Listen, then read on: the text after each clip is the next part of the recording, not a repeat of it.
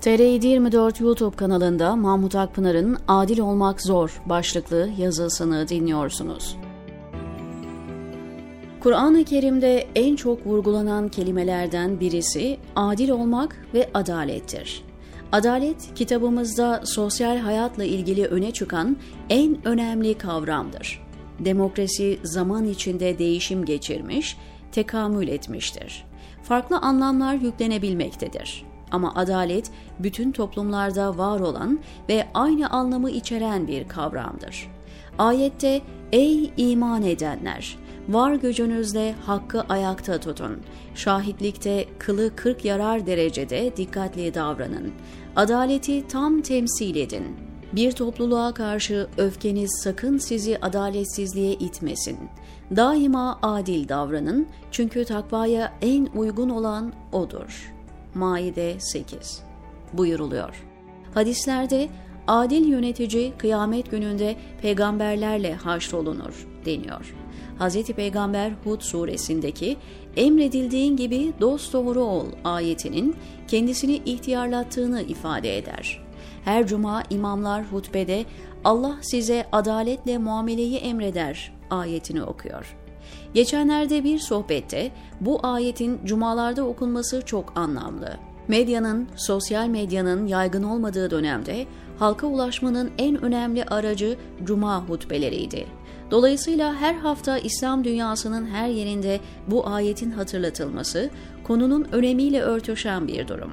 Acaba bu ayetin cumalarda okunması nasıl başlamış diye sordum. Bir ilahiyatçı hocamız bunun Ömer bin Abdülaziz döneminde başladığını ifade etti. Kerbela vakasından sonra Ehli Beyt'e zulüm ve katliamla yetinilmemiş.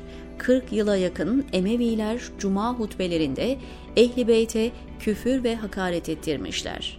Emeviler içinden çıkan ve 5. Raşid Halife olarak kabul edilen Ömer bin Abdülaziz, bu zulmü sona erdirip adalet ayetinin her cuma okunması adetini yerleştiriyor. Sadece bu davranış bile Ömer bin Abdülaziz'in büyüklüğünü göstermek için yeterli. Ama okunan bu ayet sözde kalmış, öze inememiş. Zira yeryüzünde adaletin en az bulunduğu coğrafya Müslüman ülkeler.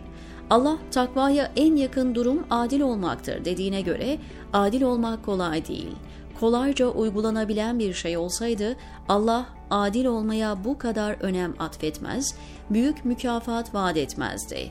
Adil olmanın önünde çok fazla harici ve nefsi engeller var. Çıkarlarımız adil olmaya engel. Yakınlarımızın, akrabalarımızın beklentileri, çevremiz adil olmaya engel. Egomuz, gururumuz, kibrimiz, bazen ilmimiz, müktesebatımız adil olmaya engel. Aidiyetimiz, ideolojimiz, bağlı olduğu mahalle adil olmaya engel. Hatta adil olun diye emreden dinin aidiyeti adil olmaya engel olabiliyor. Ön kabullerimiz, peşin hükümlerimiz, eski kazanımlarımız, ünvanlarımız, makamlarımız, kaybetmekten korktuğumuz rahatımız, maddi birikimlerimiz, şöhretimiz adil olmaya engel.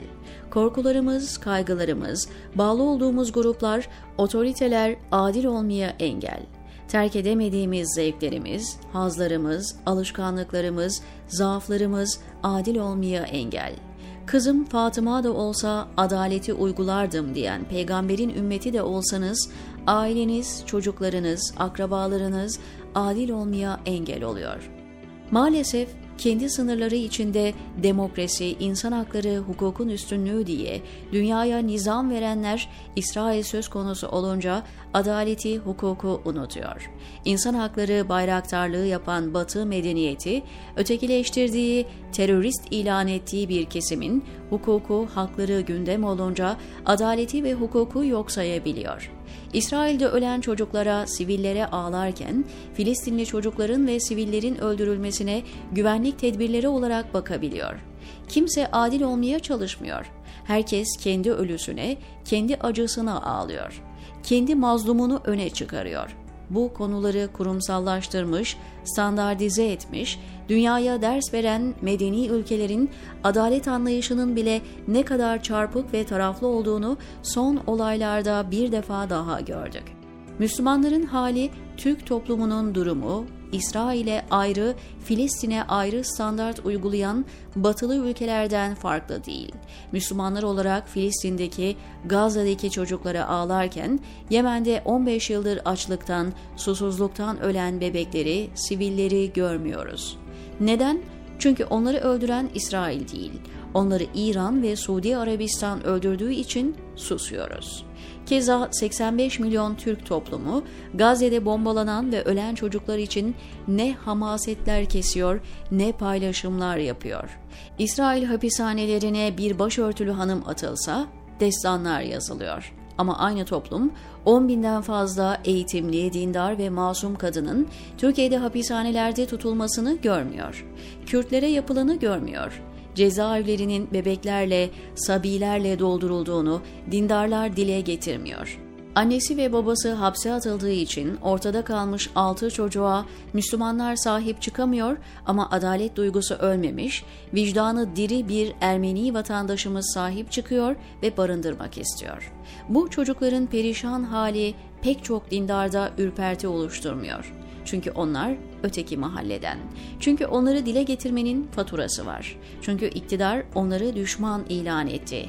Sevimli olmak, iyi olmak, anlayışlı, toleranslı olmak kolay ama adil olmak çok zor. O pek çok bariyeri aşmayı, duyguları bastırmayı, aidiyetleri yok saymayı, mahallenizi karşınıza almayı, ailenizle bozuşmayı, çıkarlarınızdan vazgeçmeyi, rahatınızı bozmayı, ön kabulleri yıkmayı gerektiriyor.